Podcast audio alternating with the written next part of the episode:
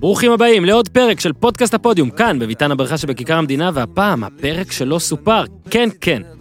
ב-2017, בספטמבר, יצא הספר שלי אה, על ערן זהבי, ספר שעבדתי עליו שלוש שנים, ספר שיום אחרי שהייתה את ההשקה, אה, הוא זרק את, אה, הוא השליך את סרט הקפטן במשחק נגד צפון מקדוניה, ומאז מחול שדים, עזב את הנבחרת, חזר, ועשה את הקמפיין האחרון. הספר הפך לרב-מכר, ספר שאומנם נגמר בכך שזהבי הפך לכדורגלן אולי הרווחי ביותר, ולפחות בדור הזה הכי מפורסם בישראל. והנרטיב שלו די השתנה, והסיפורים די השתנו בזמן שעבדתי עליו, אבל ב-2014, כשרק התחלתי, אז לפחות הנרטיב שרציתי לתאר היה ספר על כדורגלן שבערך חצה את הכביש. אמנם הייתה פלרמו באמצע, אבל כדורגלן שהביא אליפות אדומה ומשוגעת על הבאזר ב-2010 להפועל תל אביב, שזה גם משהו מאוד נדיר.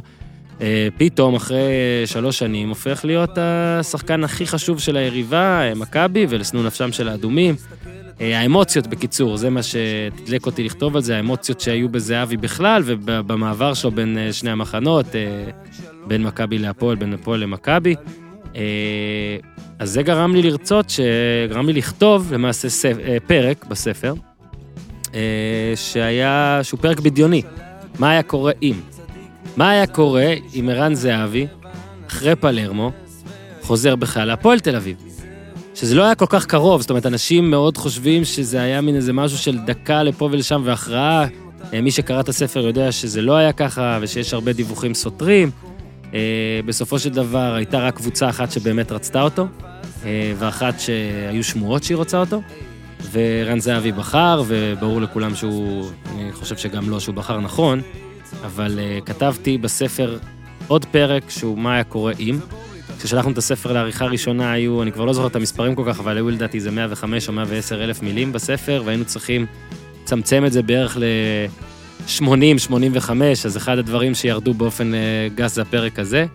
אה, ואמרתי שיום אחד אני אפרסם אותו בתור כתבה, או בתור, לא יודע מה, אה, אף פעם לא הרגיש לי שבא לי, ועכשיו, כן, בא לי.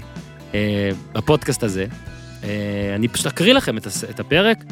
אה, יהודה שוחט ערך, אז אה, את הפרק הזה, לא, אני אפילו לא חושב שיצא לו לערוך, כי נראה לי די מהר החלטנו שבגלל שצריך לצמצם אותו נוריד. אה, אז אתם מקבלים אותו כאן באופן ראשוני, בלעדי, וממש לא מציאותי, חשוב לציין.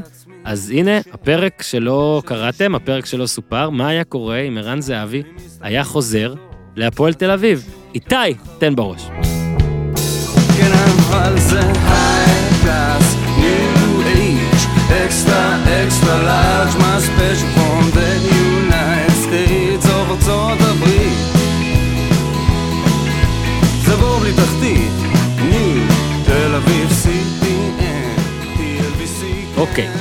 נתחיל.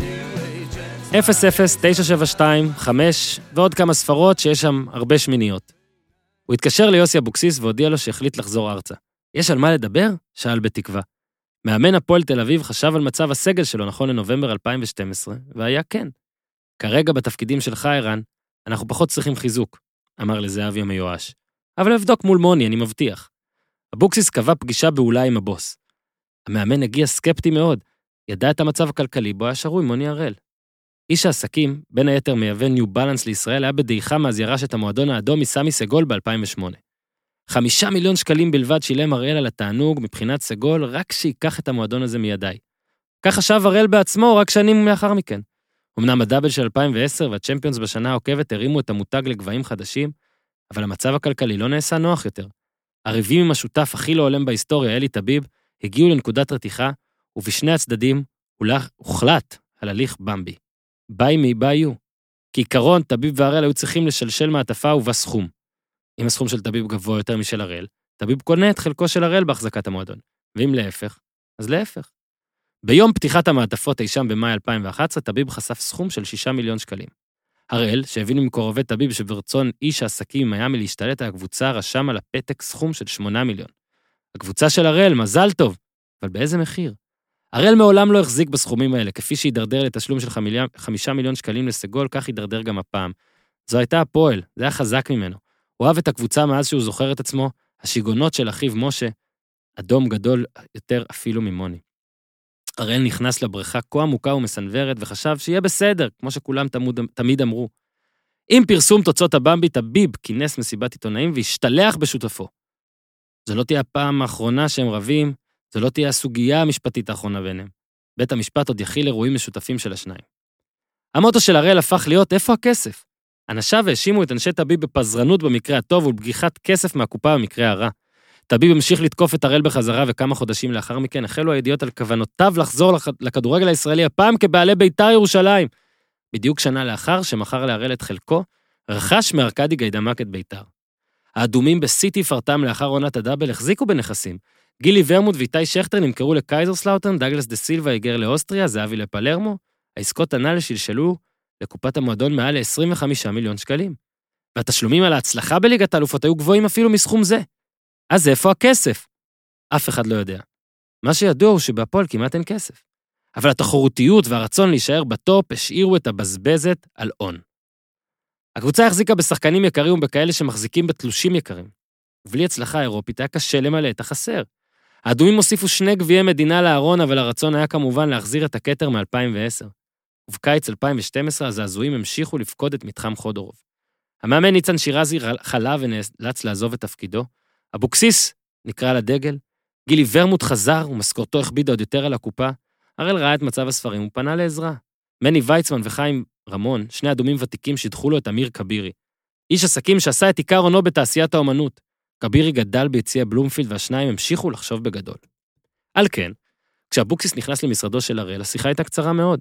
הוא בקושי הספיק לפלוט את שמו של זהבי, ועיניו של הראל נתצו. בוא נבדוק. זהבי לא היה הכוכב של הקבוצה בעונת הדאבל, אבל שער האליפות בטדי הפך אותו לאליל בעיני האוהדים האדומים, בכללם משה ומוני הראל. עוד באותו לילה החזיר אבוקסיס לזהבי הודעת אס.אם.אס, מוני בעניין. זהבי הלך לישון שמח. ההודעה מג'ורדי קרויף לא העירה את ערן זהבי, הוא קרא אותה רק בבוקר. נו, מה אתה אומר? כתב ההולנדי. כבר כמה שבועות שהם התכתבו ביניהם. זהבי התרגש מהמחוות מהבן של יוהן, קרא את המפה. למרות שחזרה הביתה דגדגה לו, מכבי של גולדהר, קרויף ואוסקר גרסיה הייתה הדבר החדש, ומבחינה מקצועית הדבר הנכון לעשות.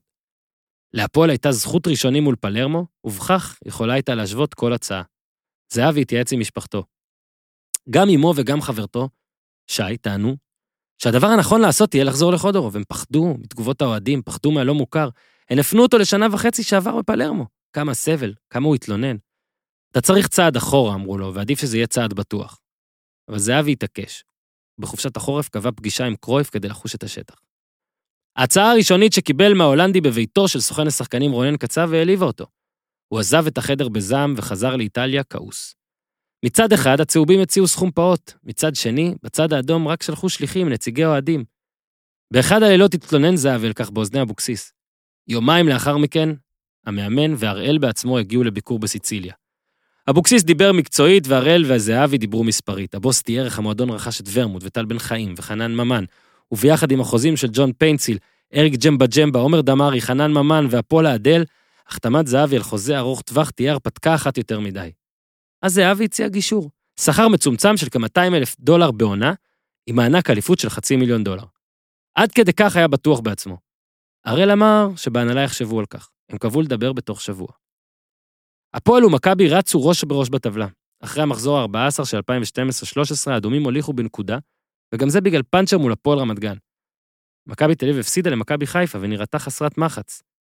וזהבי צפה במשחק הזה בטלוויזיה ודאג. ההפסד לאשדוד כמה שבועות לאחר ההפסד בקריית אליעזר חרץ את הדין. זהבי החליט, אני חוזר הביתה. אוהדי הפועל תל אביב היו באקסטזה, ורמוט כבר בקבוצה וביחד עם הכוכבים האחרים הדרך חזרה למעלה נראתה כמו דבר מובטח. הם שמעו וקראו על הדיונים של זהבי עם קרויף ומכבי, אבל ההחלטה הסופית שלו ריצתה אותם. כשנחת לראשונה בשדה התעופה עוד לא הספיק לעבור במכס, כשמולו הופיע האוהד המפורסם של האדומים, אלרועי ידעי, פואד. פואד, ריח אלכוהול נודף מפיו, פרץ את קו האבטחה והניח סביב צווארו של זהבי צעיף אדום. הוא עוכב לחקירה על ידי כוח האבטחה של שדה התעופה, אבל שוחרר לאחר כמה שעות. יום לאחר החתימה של זהבי התפוצצה פרשיית שי אבוטבול. קפטן הקבוצה היה מסוכסך עם זהבי בעקבות עניין הבעיטות החופשיות בסוף עונת 2010-2011, והרעיון של זהבי בוואלה ספורט במאי של אותה העונה, על כך שהיה את הברדק הזה עם החופשיות, רק סיבך את זה עוד יותר. כשאבוקסיס סיפר לאבוטבול על הרכש שעומד להגיע מאיטליה, אבוטבול שבר את הכלים. זה או אני או הוא, אמר למאמן. יומיים לאחר מכן הושאל אבוטבול למכבי חיפה, שניצלה את המצב והחתימה אותו על חוזה, לפיו הפועל משלמת 80% משכרו. בקיץ נותר אבוטבול ללא חוזה, ולאחר שלא הרשים במכבי חיפה, גם ללא קבוצה. במקומו במהלך בזק חתם לחצי עונה אלמוג כהן, שהיה מתוסכל מכמות הדקות להן זכה בנירנברג. זהבי נקלט מצוין בחדר ההלבשה של הפועל, ובשבועות הראשונים לקאמבק עסק בעיקר בחזרה לכושר. במשחקים הראשונים עוד עלה לשחק כמחליף, והאדומים גמגמו באותה התקופה, אבל שמרו על פער סביר ממכבי תל אביב. בצד הצהוב של העיר, אז העניינים החלו לדעוך. רדה פריצה הגיע בחלון החורפי, אבל לא הרשים, ובריאיון בארצו התלונן שאין לקבוצה הצהובה מספיק מחץ, ושלהוציא את דור מיכה אין גם מספיק מוסרים. אוסקר גרסיה לא התרשם מהסגל שהעמיד חברו ג'ורדי קרויף, ואחרי חודש סוער שכלל מלחמה בישראל, התפטר מתפקידו בפברואר. שבועיים לאחר מכן חתם בקלאב ברוז'. במקומו מינה קרויף כמאמן חירום את רוני לוי, שעזב לשם כך את אנורתוזיס פמגוסטה. מיץ' גולדהר לא רצה להחתים מאמן ישראלי, אבל אף מאמן זר בעל שיעור קומה לא רצה להגיע מהרגע להרגע ובמצב הרגיש מבחינה ביטחונית הזו. על כן ובלית ברירה העניק להולנדי את האישור להחתים ישראלי. לעת עתה. מה שלימים מתברר כדבר קבוע. מאמן זר לא ישוב עוד למכבי תל אביב. הדרבי הראשון של זהבי בחזרה האדום הסתיים בניצחון 1-0 קטן. אבל הדרבי החשוב ביותר של העונה הגיע באפריל. הפועל הגיע לדרבי בהפרש של 6 נקודות על פני יריבתה, ומהרגע הראשון השתלטה על הערב. דמארי כבשה הראשון בפנדל, זהבי השלים בסמוך לשריקה למחצית. הוא חגג עם תנועת הפטיש והמגל, ואוהד צהוב ניסה לחדור למגרש במטרה לפגוע בו, אך נבלם על ידי חברת האבטחה של מכבי, בעת שרגליו נגעו בדשא. 12 דקות לסיום השלים זהבי צמד, והאדומים כבר העריכו את צלחת האליפות חוזרת למתחם חודרוב. במהלך תוספת הזמן העבירו שחקני הפועל את הכדור ביניהם כדי לתסכל ולהשפיל את שחקני מכבי. עולה, עולה, עולה, שאג הקהל בין כל מסירה ומסירה עד שאלירן עטר, מלך שערי הליגה, והשחקן הכי טוב בישראל עד החורף ההוא, לא יכל יותר לשמוע את הקריאות. כשהכדור הגיע לזהבי, הוא גלש לעברו עם שתי רגליו וקצר אותו. אוראל גרינפלד שלב כרטיס אדום מבלי שהיסס, עטר הורחק לשלושה משחקים על ידי בית הדין של ההתאחדות, אבל במכבי ראו בחומרה את מעשיו, וגולדהר מקנדה הנחה לטפל בחלוץ בחומרה. עטר הושעה על ידי המועדון לחודש נוסף ובכך סיים את העונה. אחרי 20 שערים בחצי העונה הראשון, הוא כבש רק פעמיים, בחצי השני. בקיץ, בעקבות החלטת גולדהר, נמכר עטר למכבי חיפה. משם עבר לביתר ירושלים. על הדשא האדומים שיטו לאליפות, אבל בסוף אפריל הגיעו החדשות הרעות. הראל היה על סף פשיטת רגל בעסקיו האישיים, והתברר שמאחורי עסקיו הרבים של כבירי, לא נמצא כסף נזיל שיכול היה לעזור למועדון. האדומים עוד חגגו עם האוהדים והצלחת בפארק הירקון, ויוסי אבוקסיס זכה לראשונה בתואר מאמן העונה, בעיקר על הכדורגל האטרקטיבי שהציגה הקבוצה. יש מאמנים שמאמינים בשיטת שלושה בלמים, אבל אני מגיע לשחק כדורגל, הוא אמר. ועם כל הכבוד למה שקרה על הדשא של בלומפילד, במשרדים, בהנהלה, היה ברור שהשינוי קרב. הראל וכבירי החליטו על מכירת חיסול. תמוז נמכר לקבוצה מהליגה השנייה בסין, משם לרומניה, משם לאן, לא ידוע. דמר יצא לאוסטריה ונדד, חנן ממן שב להפועל חיפה. קרויב כבר הספיק לשים ידו על בן חיים, הוא חשב ששחקן יהווה תחליף ראוי לעטר שעזב. ההולנדי והראל, קרויף והראל כבר סיכמו על רכישה, אבל ברגע האחרון הגיע הטלפון מבלגיה. גרסיה, שהתרשם מבן חיים, אבל הוא עוד יותר כעס על הנהלה צהובה על איך שהכל נגמר, דאג שבברוז' יציעו לטל בן חיים סכום לא האדומים לא יוכלו לסרב. וכך הפך בן חיים לשחקן קלאב ברוז', כשסך נכבד מדמי העברה מגיע לידי משפחת לוזון, ולא מיטיב עם חשבון הבנק הרעוע של האדומים. ביולי אוטוטו נפתחת עונה חדשה, זהבי קיבל מסר מסוכנו. יש בעיה עם מענק האליפות שלך. זהבי רתח. הוא היה מודע למצב בו נמצאו חברי ההנהלה, אבל הרי המענק היווה את הסיבה העיקרית בגינה תיעדף את האדומים על פני מכבי. הוא הסכים להשתכר כשישית משכרו בפלרמו, רק כי היה בטוח שהאליפות תפצה על כך. ממאי לא קיבל משכורת כלל, והדם עלה למוח. זהבי נפגש לשיחה קשה עם הראל וכבירי והטיח האשמות חריפות. לא אשאר פה שנייה אחת אם המענק לא ייכנס, גער.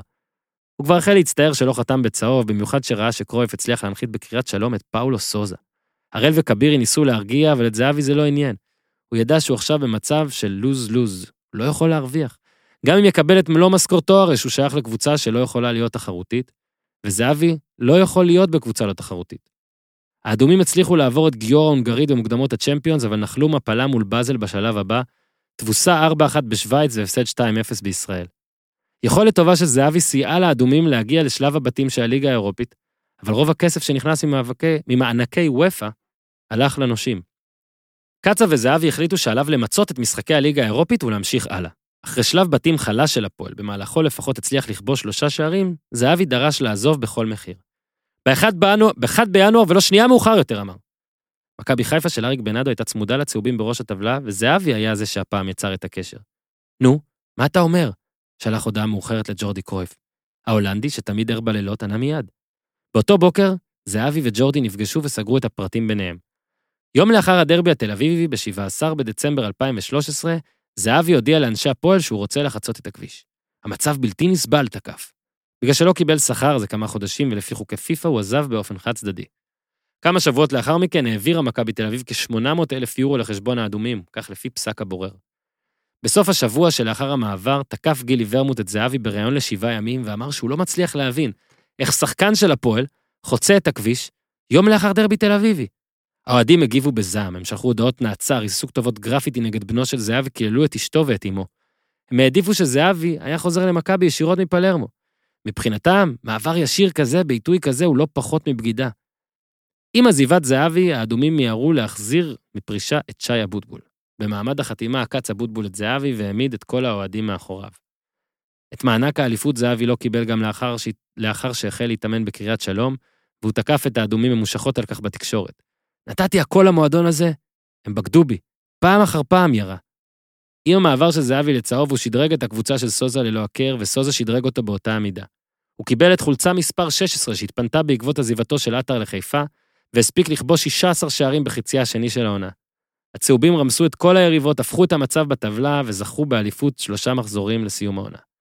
בדרבי האחרון לעונה זו, בשלהי אפריל, הצטיין זהבי, וביציע היה סוכן סיני, עם הכינוי לוקאס. הוא רשם במחברת הרבה דברים. הצהובים ניצחו 3-1 כשאת השער השלישי כבש זהבי בפנדל. פנדל מיד לאחריו התגרה באוהדים האדומים, שמיררו את חייו מאז חצה את הכביש. כשהכדור פרפר ברשת, זהבי הניף ידיו בצורת אקדחים יורים, פיו פיו. כך הוא צעק. עשר דקות לאחר מכן נשרק כדור קרן, לטובת מכבי. זהבי הגיע לאזור והתכונן לבעיטה. האוהד פואד, בשער חמש, הביא את צרור המפתחות שלו לחבר שישב לידו. מה זה? שאל החבר. אל תשכח להוציא את הכלב, אמר פואד, והחל לרדת לכיוון המגרש. אז זה הפרק. ספוילר, זה לא קרה בסוף, אבל שער הספר כן קרה. אה, אפשר למצוא אותו באתר של ידיעות אחרונות, ספר בהוצאת ידיעות אחרונות. אה, תעשו גוגל, ספר זהבי, סיפורו של ווינר, ותראו איך קונים. אה, וזה הכל להפעם. מזכיר, תבדקו את כל הפרקים שהיו בשבוע האחרון. מקווה שכולם בריאים ומאושרים, עד כאן להפעם. תעשו טוב.